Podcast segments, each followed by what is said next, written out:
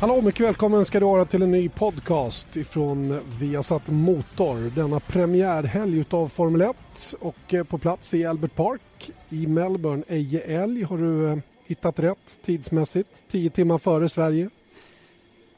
Nej, det har jag inte gjort. Jag, jag fuskade lite på resan hit och tog en natt i Singapore hos min gode vän och, eh, så jag, jag, kom ganska lindrigt undan, men jag hade en liten kollaps igår. Idag är det bättre faktiskt. Ja, men det är bra. Du har ju men det rutin. känns att man är långt borta alltså. Du har ju om inte annat rutin på att resa väldigt mycket och även byta tidszoner och sådär. Så att eh, du kanske har plockat upp ett annat knep. Nej, det gör man. Man vänjer sig ju naturligtvis vid att, eh, att det är som det är. Det är inte så mycket att göra åt utan det är bara, det är bara att bita i det sura äpplet och eh, kämpa på. Så får man göra. Själv har jag försökt att eh, anpassa mig till Australien-tid genom att gå och lägga mig tidigt och gå upp tidigt några dagar innan här nu och det kan ju vara en modell om man känner för det. Det är ju, för mig är det enda sättet att överleva överhuvudtaget. Ja, och sen är det ju, det är ju, får inte glömma bort Jan, att eh, det där kommer säkerligen att betala sig ännu bättre nästa helg när det är Malaysia, för det är ju också sådana här besvärliga tider, eller hur? Just det och eh, dessutom Marcus Eriksson-premiär. Det ska vi prata om lite senare i denna podcast. Eh, ska vi börja med Formel 1 kanske? Det är ju ändå eh, det som är intressantast denna premiärhelg och eh, du och jag har eh, precis eh, bevittnat de första två träningspassen och till att börja med är det ju skönt att det är igång, eller hur? Ja, det är det ju. Man går ju och, går ju och längtar och väntar och eh, är alltid lika spänd och man skaffar sig ju egna förhoppningar och såna här saker och eh, förväntningar och det brukar ju sällan bli som man hade förväntat sig. Nej, så är det. Eh, bilar rullade ut på en första träning. Det dröjde väldigt länge innan de kom ut överhuvudtaget. Man var väldigt rädd, med, rädd om att eh, förstöra det första sättet däck. Så att det dröjde nästan 30 minuter. Sen är det väl så att man, man behöver inte mer än en timme och egentligen tycker jag att den första träningen är lite för lång för Formel 1-teamen. De skulle kunna ha en kortare träning som det känns i alla fall. Visst är det så, men glöm inte bort då Jan att eh, de här träningarna när de kom till så kallades de för test. Det var ju ersättning för testdagar egentligen. Så det var meningen mer eller mindre som, som, eh, som test. Eh, och Eh, Eh, det skulle säkert eh, de flesta använda det till i större utsträckning om det fanns mer däck eh, att använda, att tillgodogöra sig. Nu är det begränsat och det med tanke på att de slits på det sättet de gör, ja då, då, finns det inte så mycket att välja på utan då väljer man kvalitativ körning istället för kvantitativ. Borde man få ett par setdäck tycker du till? Ja, jag tycker det. Va? Men självklart någonstans måste man dra, dra gränsen och det här är ett format som man har utvecklat under några år och eh, får inte heller glömma bort att det är inte alltid, eh, Janne, som det är eh, eh teamen som strävar efter att få mer och mer utan många gånger så är det teamen själva som eh, lämnar önskemål om att så här och så här vill vi ha det, vi vill inte ha mer det eh, för att eh, det håller nere våra kostnader helt enkelt. Mm. Eh, vad har du kunnat utläsa från eh, de första två träningspassen tycker du? Ja, då kommer vi tillbaka till det här vi började, förväntningar där och man, man har gått igenom och analyserat och tittat på de här vintertesterna som har varit och eh, tycker att eh, ja, men det här ser bra ut, har tryckt ihop fältet och eh, Eh, det kommer att vara fler om budet och så vidare. Den och den ser stark ut och eh, kanske att Red Bull får hårdare konkurrens eh, än förra året. Och ja, som sagt det blir ju sällan som man tror. Det är helt andra förutsättningar när man kommer hit. Och faktum är att om jag ska lite bara grovt göra en bedömning på det vi har sett så visar det sig ju att Red Bull har sett väldigt, väldigt starka ut ja, nästan lite oroväckande starka ut faktiskt om, om man får utläsa varvtiderna då, speciellt på den mjuka blandningen och över ett varv så att säga då, när det gäller att kvala in bilarna längst fram, vilket vi vet att Red Bull gärna gör för att de har, en, eh, de har ju valt att jobba på ett sätt där man kanske inte har den snabbaste bilen rakt fram men eh, där den över ett varv så att säga är väldigt, väldigt mycket bättre än de övriga. Ja, visst är det så. Det är ju ett gammalt beprövat koncept i deras eh, i deras eh, värld och eh, varför ska man ändra på något som, eh, som funkar? Så att, eh, och, och sen kanske tillägga då, jag, jag, säger att de visar att de är väldigt starka.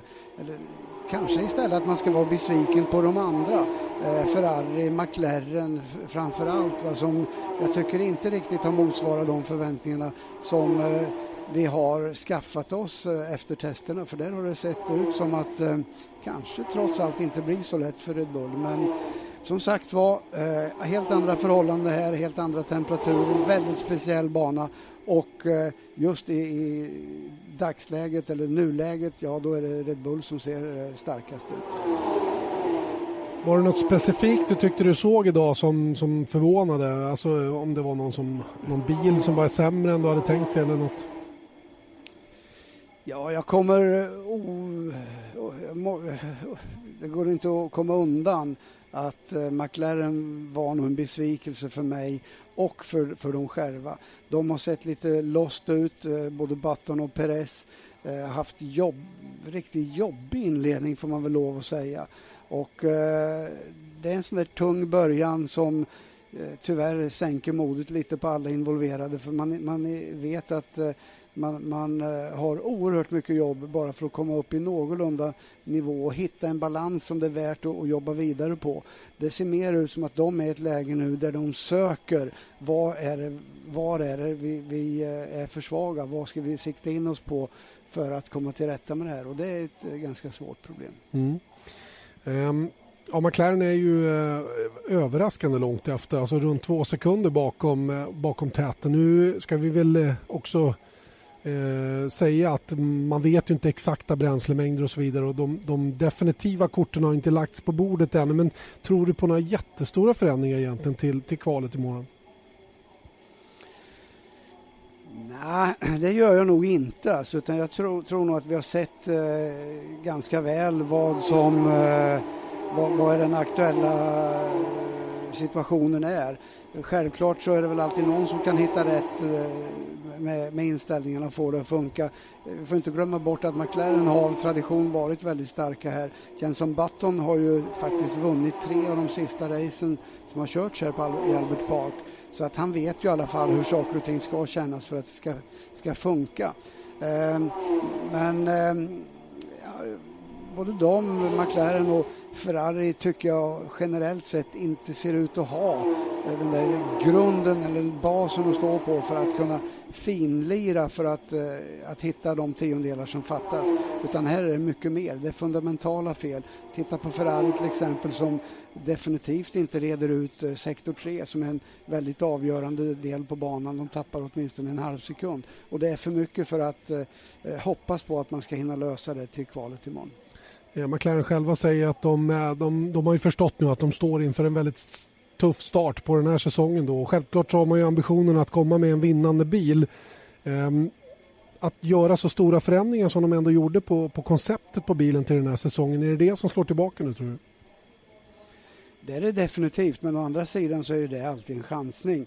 Eh, det är inte så länge sedan vi hade ett team som hette Braun som bara i praktiken skruvade fast de sista delarna på bilen och sen åkte de iväg och testade och var snabbast och så vann de VM, vann, vann i stort sett allt. Eh, så det är, en, det är en chansning. Hos McLaren valde man att man ville, ville gå den vägen och det har kunnat gått hur som helst. Eh, nu är det ju så att eh, den bilen, och den utvecklade bilen och den nya bilen som de har har förmodligen större potential att utvecklas under året jämfört med de bilarna som har behållit samma koncept eh, som i, i förra året och året innan till viss del. Ja, de är ju begränsade eh, i det avseendet att de kanske nått sin eh, maxkapacitet i stort sett. Och det innebär ju att eh, det vi ser här i Albert Park eh, i Australien eller Melbourne eh, är ju definitivt inte det slutgiltiga och det betyder inte att det kommer att bli en tråkig säsong på något sätt. Utan eh, det är, det, är, bara dagsformen vi ser. Eh, och dessutom en väldigt speciell bana då, som jag var inne på tidigare att, att den kanske inte är hundraprocentigt representativ Ehm, som du själv var inne på, Button vann förra året och var inte med under större delen av resten av säsongen där han eh, återigen hade problem med att hitta rätt med setup och sådana saker. Ehm, det var ju så många som pratade om att det var så ohyggligt jämnt inför, inte minst vi själva då. Man hade haft svårt att läsa in någonting från testerna och så vidare men det har varit så svalt och hela den biten. Men vi kan vara rätt klara över att Red Bull har haft bättre koll på läget än vad de kanske har gjort sken av. Ja, och det är inte så konstigt med tanke på hur de tre senaste åren har sett ut. Där de har vunnit VM så är det bara att konstatera att de har ett vinnande koncept och det är dessutom ett koncept som de bara fortsätter att förfina. Eh, inte göra de här stora dramatiska förändringarna. Och det, det gör att det blir ju lättarbetat och, och eh, de har kontinuitet. Millions of people have lost weight with personalized plans from Noom. Like Evan, who can't stand salads and still lost 50 pounds. Salads generally for most people are the easy button, right? For me, that wasn't an option. I never really was a salad guy. That's just not who I am. But Noom worked for me. Get your personalized plan today at Noom.com. Real Noom user compensated to provide their story.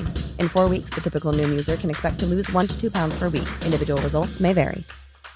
Normally, being a little extra might be a bit much, but not when it comes to healthcare. That's why United Healthcare's Health Protector Guard fixed indemnity insurance plans, underwritten by Golden Rule Insurance Company, supplement your primary plan so you manage out of pocket costs. Learn more at uh1.com.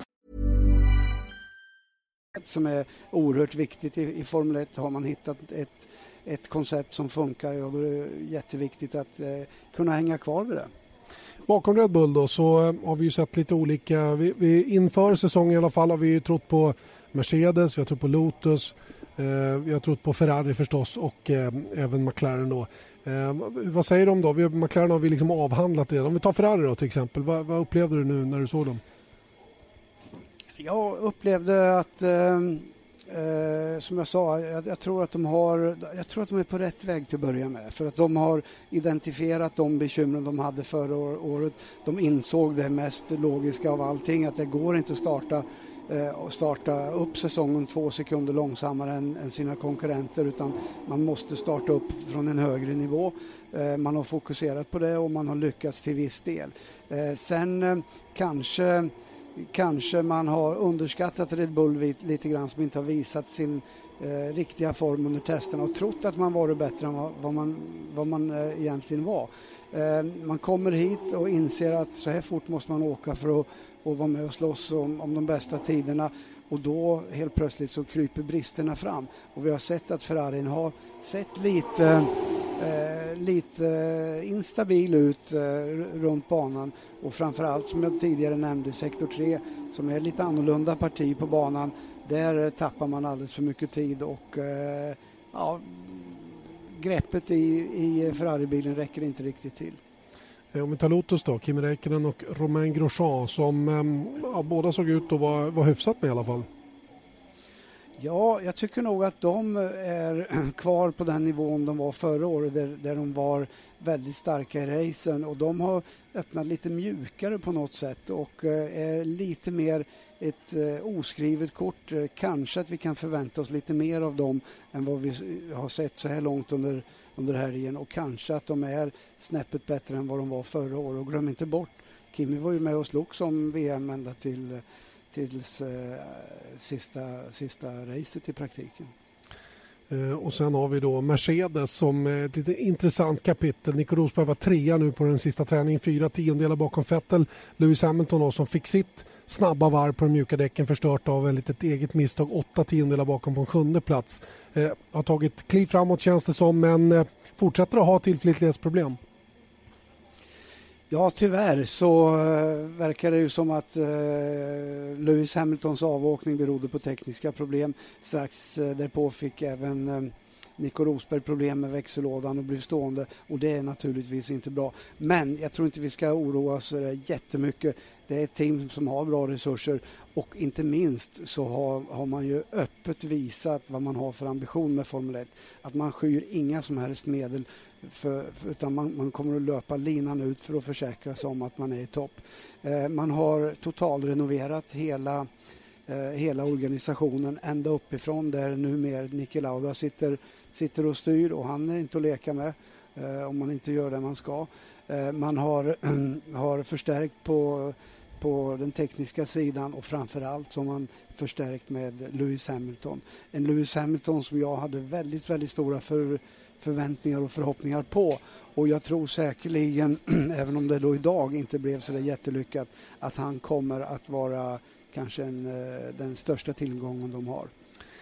En annan intressant eh, faktor den här helgen, när jag tittar på väderprognosen för morgondagen så står det eh, att det ska vara mulet under förmiddagen och ganska kallt. Eh, dessutom så kommer regnskurarna då från mitt på dagen och framåt och det troliga är att det kommer att vara lite fuktigt under det tredje passet och att det kan bli ett blött kval. Och det här kan ju kasta om precis allting. Då kan vi få en verklig överraskning. Ja, självklart. Och det, det kanske, kanske vore lika bra det. Eh, därför att eh, precis som du sa, det här är en bana som inte är eh, ett ska vi säga, en, en mall över hur Formel 1-banorna kommer att se ut. Utan det här är en, en stadsbana eller parkbana, kalla det vad du vill. Och det gör också att det, det är en väldigt speciell bana att åka på när det är blött och det, den är oerhört oförlåtande och så vidare. Så att eh, det, det, det tillför ju ytterligare en parameter i det här och eh, eftersom resultatet kanske inte ändå är så eh, rättvisande för den äkta formen så att säga så låt det bli lite ännu mer chansartat då. Jag tycker det skulle vara kul. Mm. Um, inför den här helgen har vi också pratat en hel del om huruvida teamen som har valt att testa det i alla fall skulle använda den så kallade passiva DRS då, eller DRD Drag Reduction Device. Och, eh, jag läser nu att Eric Boulier säger att Lotus inte har använt den ännu den här helgen och har fortfarande inte bestämt sig om de kommer att använda det. Och har de inte använt den ännu då tror jag inte de kommer att använda det. Jag tror inte någon annan heller kommer att göra det. Jag tror att någon kommer att använda det under säsongen. Ah, de kommer säkerligen att försöka lite tafatt här och där.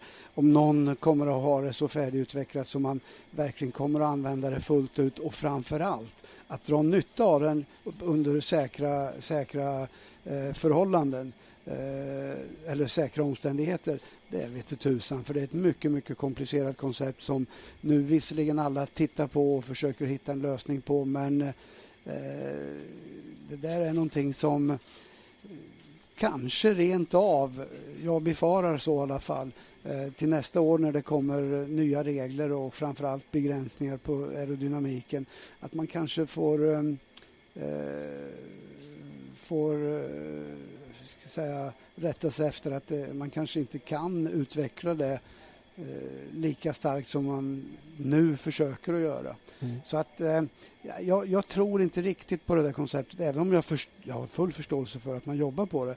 För skulle det fungera, ja då är det ju fantastiskt. För att då, då eh, tillför man ju oerhört mycket. Men den stora frågan är när ska man kunna testa ut det? Jag tycker det är så... Det är, om man inte kan testa fram det under, under försäsongstesterna, vilket man uppenbarligen inte kan. Och under tävlingshelgerna så har man begränsat med tid och det är mycket annat man behöver förbereda än att hålla på och pilla med det där. Det känns som att man, är, man står och viftar med ett svärd som aldrig träffar någonstans. Ja, absolut. För att det här är en sån där typisk grej. Och att, att, du trycker på just det där med tanke på att det är så begränsat med, med tester. Jag tror inte att det ett sånt här koncept eller sån här teknologi att det är tillräckligt tillförlitligt att göra de testerna i vindtunnlar, simulatorprogram och så vidare. Utan här är saker och ting för säkerhetens skull, så att säga. Det här måste man se till att det funkar och det testas ut under verkliga förhållanden. Och det har man inte tid med idag. Depå, eh, depåstopp snackas det alltid om. Eh, jag läste nu att eh, Paul Hembry, Pirellis Paul Hembry säger att två, möjligen tre depåstopp. Vad tror du? De mjuka däcken, supermjuka däcken såg ut att tappa ganska snabbt i tid och jag tror inte de kommer att använda speciellt många varv. Nej, inte det vi har sett idag. Vi får inte glömma bort naturligtvis att banan kommer att förbättra sig, greppnivån blir bättre, slitaget på dem kommer att också, också bli mindre. Men eh, jag tror att eh, definitivt att det är en chanstagning att eh, komma hit till Albert Park med Supersoft. Och det är en utmaning. Och får hoppas att det i alla fall inte blir något riktigt fiasko av det. Men eh, jag tror att de är det mjukaste laget. Du tror det? Alltså jag, jag upplevde inte riktigt att det var så farligt, men, men det kanske är det? Ja, jag, jag, eh, jag befarar, befarar i alla fall det. Va? Men som sagt var, banan kommer ju att bli, eh, kommer förbättras undan för undan. Och, eh, ja, jag, jag, jag, vågar inte lita riktigt på dem än. Jag vill se det med egna ögon först. Mm. Eh, några förare har blivit uppkallade till domarna på grund av eh, lite mer eller mindre vådliga utfarter ur depån. Vi eh, hörde i sändningen över radion att eh, jag minns inte om det var ja, vem det nu var som, som gjorde sin provstart, det var Pick var det, som gjorde sin provstart alldeles för sent, alltså för långt ut i depån vid depåutfarten, nästan ut på banan. Och Gutierrez är också på väg upp, Mark Webber har också blivit uppkallad till domarna. Eh, kan vara lite premiärnerver alltså eh, hos en del kanske, inte vet jag. Eh, och det här med nerver tycker jag är lite intressant. Jag menar, har man idrottat någon gång och varit med om att, att liksom tävla på någorlunda hög nivå så, så, så blir man ju obönhörligen nervös. Hur, hur var det för din del när du tävlade? Var du nervös? Ja, nervositeten jag vet inte om man ska kalla det nervös, nervös egentligen. Va? Men visst eh, infann det sig alltid känslor och det vart ju inget bättre med åren utan det var ju likadant alltid. Och eh, det var ju kanske inte riktigt eh, nervositeten att jag var rädd för att jag inte skulle klara saker utan det var bara att det var lite svårt att ta hand om, om alla de här känslorna som kom och det blev ett obehag för mig egentligen. Inte, inte ett fysiskt obehag så att jag mådde illa eller något sånt där utan det var mer bara att eh, ja, det skulle vara skönt att vara på en beach någonstans och ligga och, ligga och Typiskt dig. sola. Ja, ungefär, förstår du? Ja, ja. Att man tänkte mer, varför ger man sig in i sånt här? Men sen har jag ju många, många Eh, av många konkurrenter som, som reagerar på helt andra sätt och vissa mådde ju rent fysiskt illa. Millions of people have lost weight with personalized plans from Noom. Like Evan, who can't stand salads and still lost 50 pounds. Salads generally for most people are the easy button, right? For me, that wasn't an option. I never really was a salad guy. That's just not who I am. But Noom worked for me. Get your personalized plan today at Noom.com. Real Noom user compensated to provide their story. In four weeks, the typical Noom user can expect to lose one to two pounds per week. Individual results may vary. Say hello to a new era of mental health care. Cerebral is here to help you achieve your mental wellness goals with professional therapy and medication management support. 100% online. You'll experience the all new Cerebral Way, an innovative approach to mental wellness designed around you. You'll get a personalized treatment plan from a therapist, prescriber, or both in a safe and judgment free space. Your cerebral therapist or prescriber will outline a customized plan with clear milestones along the way so you can get to feeling your best. With Cerebral, you're not alone in your mental health journey. We're here to empower you to live a fulfilling life. So take that first step towards a brighter future and sign up today at cerebral.com slash podcast and use code ACasts to get 15% off your first month. Offer only valid on monthly plans. Other exclusions may apply. Offer ends July 31st, 2024. See site for details.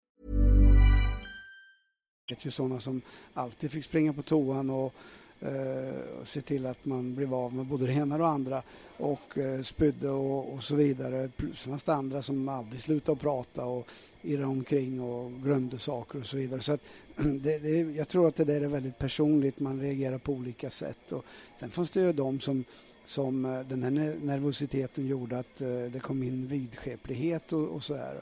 Och eh, ja, det fanns alla varianter. Men Eh, och jag tror det är likadant för alla idrottsmän oavsett vad man håller på med. Mm. Eh, jag såg till exempel att, Louis, eller att Jenson Button bor på samma hotellrum. Samma hotell, samma hotellrum. Har gått och tagit en öl på exakt samma pub som han gjorde när han vann 9, 10 och 12. Kanske en melodi. Ja, men det är ju, Ja visst är det det. Det betyder ju naturligtvis ingenting men det är ju sådana där trygghetsgrejer som man gärna vill ha ska, ska sitta på plats för då vet man i alla fall att då kan man inte skylla på det. För han, nu har han vunnit de två senaste åren. Eh, fel av mig. Han har vunnit tre av de fyra sista. Mm. Han vann 2009, 2010 och 2012. Och det är klart att om man nu inte gick och tog den där ölen på om man gick till en annan bar och tog den där ören och som bara kom trea, då skulle man ju säga fan, jag skulle, ursäkta, fanken också, jag skulle ha gått till gamla stället, då hade jag vunnit. Mm. du, hamnade nervositeten någon gång i vägen för dig? Alltså att du gjorde någon groda för att du var spänd? Nej, aldrig. Visst, det kan ju hända att man gör grodor. Jag vet att jag klantar till det på uppvärmningsvarv och sådana där saker och, och eh, snurrat och börjat allmänt eh, klantigt åt. Men det är ju sådana här lärogrejer och det hade inte med nervositet att göra utan det var ju bara att man, man var, eh, det var en anspänning. Va? Men inte nervositeten utan det var mer fokuseringen som gjorde att man kanske blundade för vissa, vissa saker och så vidare och ville mer än vad, vad som var lämpligt just för stunden. Vi har ju rätt många rookies här i år, de är femma, är de inte det? Nykomlingar och eh, för dem måste det ändå vara en Tänk dig starten med alla procedurer som ska göras under formationsvarv. Du står kanske i mitten av fältet. Det är fullt rus på pulsen. Eh, du ska göra alla saker rätt på väg ner mot första kurvan. Och, och, eh, alltså, anspänning måste vara enorm ändå. In, Eh, inflödet av information till föraren under formationsvarv och liknande är ju helt enorm. Alltså det är ju som de, man skulle tro att de satt i en rymdkapsel egentligen och allting ska ske under en väldigt, väldigt kort tid. Massor med saker som måste göras i rätt ordning, massor med saker som måste eh, förutses och, och så vidare och samtidigt så Mm, har du pressen på dig att du måste ställa dig rätt. Du får inte stå eh, 10 centimeter fel åt ena eller andra hållet. Och det, ja, varvtal, alla, alla eh, praktiska, tekniska saker. Så det är en otrolig anspänning naturligtvis. Och självklart, självklart de som inte har fått rutin på det här, de blir ju naturligtvis eh, ska säga, övergödda med det här och eh, kommer naturligtvis ha, ha svårt att hålla ordning på allting. Jag pratade så sent som igår med Guido van der Garde som ändå är ganska erfaren. 27 år har, ja, eh, har han ju hunnit bli och kört väldigt eh, länge men det är hans första riktiga tävling i Formel 1. Och eh, han eh, erkänner ju naturligtvis att eh, han är oerhört spänd inför den här uppgiften. Mm. Men kanske är det så att all den här informationen man får gör att man måste fokusera så mycket på det så man glömmer bort sina egna nerver. Det kan ju vara så också. Ja, jag, jag tror, jag tror inte att... Eh, eh ja, det, jag vet inte om man, om man ska kunna ska kalla det nervositet heller utan det är mer en osäkerhet som, som gör att det eh, kanske är lite svårare att somna på kvällen. Man går igenom saker och ting eh, gång på gång på gång för att försäkra sig om att man inte ska eh, göra någon tabbe helt enkelt. Eh, jag hävdar i, i min blogg att eh, det, det svåraste man kan göra som idrottsman generellt, i alla sporter inkluderat, är det som händer direkt när lamporna slocknar tills man har tagit sig igenom de två första kurvorna. Håller du med om det? Ja, i eh, racing eh, så är ju naturligtvis starten det kanske eh, mest intensiva för att det är så många faktorer. Dels ska du iväg och dels så, så har du en oerhörd fokusering på när du väl har släppt kopplingen, se till att, att varvtal och, och saker och ting är, är riktiga. Och du är oerhört fokuserad på allting som händer och du, du andas ju inte på en minut nästan. Så självklart så är det så att eh, när saker och ting har satt sig, man har hittat sin position, då först börjar man tänka efter lite, lite grann. Eh, right, hur ska jag nu eh, fortsätta det här? Ska jag vara aggressiv på en gång? Eh, vad händer framför? Hur ser det ut bakåt och så vidare? Så att eh, det lugnar ju ner sig lite grann. Naturligtvis är det så. Men, Men sen kommer ju olika skeden i tävlingen också där intensiteten ökar. Eh, oerhört mycket och det kan ju bli det sista varv och såna här saker som är helt eh, eh, osannolika där man egentligen inte har en aning om vad som har hänt eh, förrän långt, långt efteråt. Mm. I vårt eh, program på söndag så kommer vi få en intervju med Kimi Räikkönen. En liten sittning med honom imorgon lördag som eh, vi klipper i ordning och visar redan inför racet på söndag. Hur upplever du Kimi som person? Du, du har väl aldrig intervjuat honom? Jag känner inte Kimmy. Nej, jag har aldrig intervjuat honom. Jag har pratat med Kimmy och eh, eh, jag, jag, har, det lilla jag känner honom så har han varit en otroligt eh, rakt fram och eh, ödmjuk och, och, trevlig person som jag har stor uppskattning för. Eh, sen att han har lite annorlunda sätt att gå runt saker och ting och, och göra, han gör det på sitt sätt. Ja, det är någonting som man bara får respektera för han är i alla fall Eh, han, han, eh, han byter inte spår utan han är den han är. Mm. till exempel här, han tycker han tycker det är fånigt när folk står och skriker och ska autograf för honom, så han skiter i dem. Han är den enda som bara, han bara går ur bilen och går därifrån och alla buar och visslar och vrålar, men han, det bryr inte honom. Så att han, han kör sitt race och eh, det är han naturligtvis tillåten att göra. Eh, hans jobb är att köra racerbil. Han tycker att det är runt omkring det Eh, det har inte med han att göra. Och det är väl en sanning med modifikation egentligen för att i slutändan så är det ju de som står och skriker efter hans autograf som betalar hans lön. Till viss del i alla fall. Så att, eh, men, men eh, som sagt var, han eh, har valt eh, valt att vara den han är och det måste respekteras. Jag eh, hade ju själv förmånen att intervjua honom under hans McLaren-tid rätt många år sedan nu. Då har det väl i och för sig hänt en del med honom som person också. Men jag upplevde också en väldigt eh, cool typ på, eh, på alla, cool typ, ja, Iceman. Men han, och vi gjorde den på ishotellet i Stockholm för övrigt. Så det vart ju extra roligt. Och han är ju som vem som helst annars. Jag menar i en sån situation där det inte är någon tävlings någon tävlingshelg och sådana grejer heller, då blir han ju väldigt avspänd och bra. Så att, eh, jag tycker inte tycker inte han eh, avviker speciellt mycket från normen just där. Sen tycker jag det är lite fränt av Lotus att, att eh, spela på hans, eh, på hans image. Att man, man gör en grej av det istället för att jobba mot det. Det är ganska smart, Janne, därför att eh, man vet att, eh, och det är säkert under de förutsättningarna man har fått honom till teamet. Man kan inte utnyttja honom som man till exempel kan göra med vissa andra i, i marknadsaktiviteter och så vidare. Och då väljer man att ta en, andra, en annan väg, att man, man gör roliga saker av det eh, som som säkerligen skapar ett marknadsvärde bara för att eh, de är så speciella. Så att jag tycker att eh, jag tycker det är en, en smart lösning av, av Lotus-teamet. Mm. Och sen, sen ska vi inte heller glömma bort, eh, Janne, att eh, Kimi är ju en gudabenådad eh, naturbegåvning när det gäller att köra racerbil. Så att eh, man får det får man ju inte glömma bort. Alltså det, visserligen, eh, det skulle inte, för, det skulle inte jag tycker inte man, man, kan förlåta honom om han var arrogant och han var dum och respektlös inför andra människor. Men det är ju inte det som är hans problem.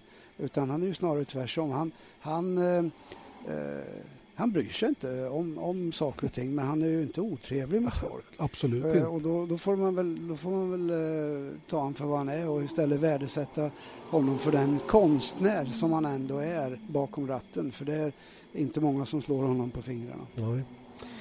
Um, det är ju um andra tävlingar som pågår under helgen. Vi hade ju en svensk som eh, hade förhoppningar om att tävla den här helgen, nämligen Alex Danielsson då, borta i USA eh, på Bristol i Tennessee där han skulle göra debut då i den amerikanska racingen i något som kallas för KNN Series. Eh, tyvärr gick det inget vidare under kvalet igår. Eh, enligt uppgift så ska motorn ha misständit. Eh, misstänt heter det kanske på svenska och ehm, eh, han fick inte ut precis allt han ville under kvalet och missade med några tiondelar att kvala in. Och, ehm, det där är ju en motgång som heter duga nu när han ehm, tyckte sig ha fått fart på karriären lite grann igen. Ja, och ett par tiondelar är nog ganska eh, mycket på en sån liten kort bana som eh, det här avgjordes på. Men eh, det är klart att oavsett vilken kategori du kör, har du inte materialet som räcker till, ja då har det ingen betydelse hur duktig eller hur snabb du är.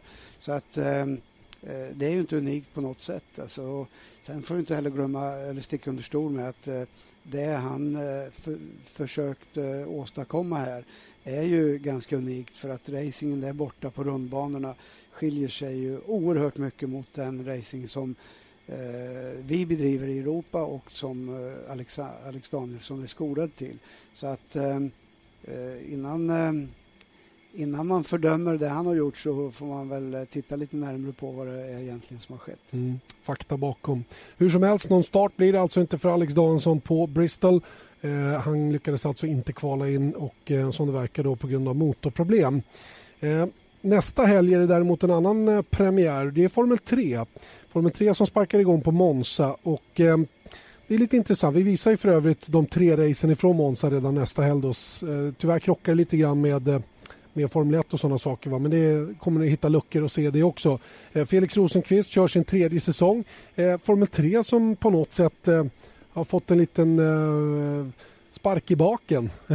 Man eh, la väl mer eller mindre ner det brittiska mästerskapet och det här har gjort att vi har fått ett väldigt konkurrenskraftigt europeiskt mästerskap istället. Ja, det är ju synd tycker jag att det brittiska, brittiska Formel 3-mästerskapet läggs ner för det är ju en gammal fin tradition som eh, jag till exempel eh, ska säga fick mitt internationella genombrott i och eh, de allra flesta har ju kört brittiska F3. Så att det är lite tråkigt men å andra sidan så Formel 3 var i, i, ganska dåligt skick. Även den engelska serien där borta hade problem förra året. Europeiska serien hade bekymmer och eh, eh jag tycker, jag tycker ändå att det är trevligt att eh, Formel 3 är på väg tillbaks till det som det en gång i tiden var. För det fanns ju en period på 60-70-talet när den som till exempel vann Monza-racet eh, eller eh, Monaco framför allt, det var nästan, det var nästan fribiljett in i Formel 1. Va? Så det var ju oerhört attraktivt och bli bra och en mycket, mycket bra skola inför framtiden. Så jag ser med glädje på att eh, vi har ett starkt Europamästerskap och speciellt nu när vi då har ett par eh, svenska unga killar som har möjlighet att slå sig, slå sig fram. Mm. Eh, anledningen att det blivit så här att, att det har sett lite svagt ut eh, en period det är ju därför att helt plötsligt så dök det upp lite, lite konkurrerande serier. Jag tänker på World Series Renault, jag tänker på Formel eh, Formel 2, jag tänker på GP3 och så vidare. Och helt plötsligt så var det för många ställen att spendera sponsorpengar i. Nu eh, är det, har det sorterat ut sig lite grann och Formel 3 är definitivt tillbaks. Nu eh, styrs det lite grann av gamle räven eh, Gerhard Berger också som eh, jag tror kommer att bidra till att Formel 3 blir starkt på nytt och det är kul. Och eh, kanske lite enklare då för våra svenska förmågor att slå sig fram också. Just det. Eh, Felix är väl den som har bäst möjligheter men även Måns Grenhagen kommer att köra för eh, ett holländskt team som heter Van Amersfoort. Eh, och eh, de har ju vunnit mästerskapet tidigare då, men, men bortsett från det så är, så är det ju tycker jag kul att det blir en stor grid, mycket bilar och Felix chanser att vinna är väl sådär än så länge. Jag pratade med honom bara häromdagen och han var väl inte hundra nöjd efter, efter testerna som kördes i Barcelona. Nej, men återigen uttjatat uttryck, men tester är en sak, race är något annat. Eh, den erfarenhet som han har skaffat sig och de, de resultaten som han har som, ba, som eller i grunden eh, efter de här två åren tycker jag eh, bäddar för att eh, vi måste nog eh, ha eller ställa ganska stora förhoppningar till att han ska kunna vara med och slåss om det. Och, eh, eh samma sak där, jobbat med teamet eh, tidigare och rimligtvis så ska det nog eh, sortera ut sig så att han eh, får ordning på det som inte funkar, har funkat i testerna. Till sist när det gäller det här då. Vi jämför F3, GP3 och GP2. Eh, de är inte riktigt jämförbara och är det så att Formel 3 är på något sätt innan GP3 och sen GP2? Ska det vara så många steg tycker du eller kan man gå direkt från F3 till GP2 eller från F3 direkt till Formel 1? Ja, man, man, klarar det. är många som går från F3 till, till eh, eller förr var det många som gick eh, direkt från F3 till Formel 1 och det, det skulle funka även idag. Eh, det, det, är lite överflödigt med, med GP3 tycker jag och jag skulle nog hellre se att Formel 3 blev starkare och blev instegsklassen i Grand Prix-helgen. Om du förstår vad jag menar. Mm, mm. Att man körde Formel 3, GP2 och sedan eh, Formel 1. Och då är vi tillbaks där eh, hela ursprunget kommer ifrån. Förr hette, var det mycket, mycket enklare. Då var det Formel 1, Formel 2 och Formel 3. Punkt slut. Mm. Så att eh, det, det, det, dök upp lite för många alternativa serier eh, till vänster och höger och eh, eh, ungdomarna och sponsorerna blev lite vilsna och eh, hade svårt att veta vad som var det rätta. Och serierna konkurrerade dessutom med varann för att få så många aktiva som möjligt och därmed få in så mycket pengar som möjligt. En som tog steget från Formel 3 just till GP3 till den här säsongen är Jimmy Eriksson då, som eh, vann det tyska ATS-cupen förra året i Formel 3 och eh, Anton har klivit upp eh, till GP3 den här säsongen och eh, han har eh, kört ett par tester och det har väl gått sådär för Jimmy så här långt och vi får väl se hur han eh, mäktar med resten av den här säsongen så småningom. Ehm, avslutningsvis eh, stämningen där nere i Australien. Vad säger F1-journalisten? Vem tror man vinner? Ja, hörru du, det, det, är väl inte så... Det är väl inte så eh, så jättebra fråga just nu, Janne. Du kunde väl ha ställt den frågan för eh, åtta timmar sedan. Så har vi kunnat spekulera lite fram och tillbaks. Nu har ju faktiskt eh, Sebastian Vettel eh, visat var han står och jag tror att han har vunnit över många, mångas eh, tro på, på honom eh, i de här två passen vi har sett. Definitivt. Man var lite osäker på Red Bull tidigare och man var lite, kanske lite osäker på eh, Fettels motivation att gå för en fjärde titel och så vidare. Men eh, idag så tycker jag att vi har fått eh, svar på att eh, de är fortsatt starka. De har ett, eh, ett fungerande koncept framför allt. De behöver inte gissa sig fram lika mycket som alla andra. Och eh, han bedöms nog nu, nu ikväll här i Melbourne vara den stora favoriten. Och själva säger de i alla fall att de inte eh, skenar iväg i tanken nu då efter att ha blivit etta, tvåa på träningen här den sista. Utan att man, eh, man säger, Mark Webber till exempel säger att eh, ja, vi, vi vet ju inte några bränslemängder för de andra och så vidare. Så att eh, vi, eh, vi, vi tar det lugnt och eh, jobbar ehm, jobbar vidare så att säga med sin egen plan så får man ju se hur långt det räcker och det är väl naturligtvis en klok inställning att ha. Du, vad händer ikväll nu då? Ja, hörru du, lite mat skadar väl aldrig och eh, det, vi bor faktiskt väldigt bra det här året för vi har gångavstånd till banan och eh, tur är ju också att vi har några restauranger mellan banan och hotellet. Så att, uh, vi får se om vi hinner hem och duscha först. Ja, ja men det, det är så. Du, du får man, gå ner och hänga. måste organisera saker och ting. Du får gå ner och hänga på beachen där, St. Kilda Beach. Ja, det är också ett alternativ. Det är ju behagligt väder här, verkligen. Så att, uh, ja, jag har inte planerat klart än. Vi får se vad som händer. Jag kan, jag kan tala om för dig imorgon. Det brukar ligga högst jag skickar MMS. ja, det är bra. Det brukar ligga högst på agendan för vissa vad vi ska äta och sådana saker. Ja, jo, men det är redan, det är, det är redan klart. Vi kan avslöja det. det Frida Nordstrand är noga med vad vi ska käka någonstans på kvällarna. Ja, men det är redan. Ja, men jag, jag eh, lokaliserade ett place igår så som eh, jag tror passar det här skapet alldeles utmärkt. Perfekt. Då säger vi smaklig måltid och... och, och mycket, ja, förlåt. Ja, ja. Nej, jag tänkte säga de hade bra av allt där. Inte bara mat, utan även dryck. Den får ni hålla er ifrån. Ska vara vakna imorgon också, även om ni börjar senare på dagarna än vanligt. Tvärtom. tvärtom. Ja, drar vi inte igång förrän klockan två lokal tid här så det är ganska angenämt. Ja, det är perfekt. Inte riktigt så bekvämt för vår del. Jag drar igång klockan fyra lokal tid fast på fel sida av dygnet så att säga. Eh, apropå det så ska jag puffa för sändningstiderna. 03.55 imorgon natt, eller imorgon bitti drar vi igång eh, träning 3 och 06.55 då är det dags att eh, koncentrera sig på kvalet och på söndag morgon ja, då sparkar vi igång 06.30 då är det uppsnack inför säsongens första Formel 1-race. Glöm inte heller eh, Nascar Sprint Cup Series 17.30 söndag kväll på Vesap Motor, Vesap Motor HD. Så det finns massor att hänga ner på vidare. Nu säger vi tack och hej för denna podcast i alla fall. Janne Blomqvist och Elf.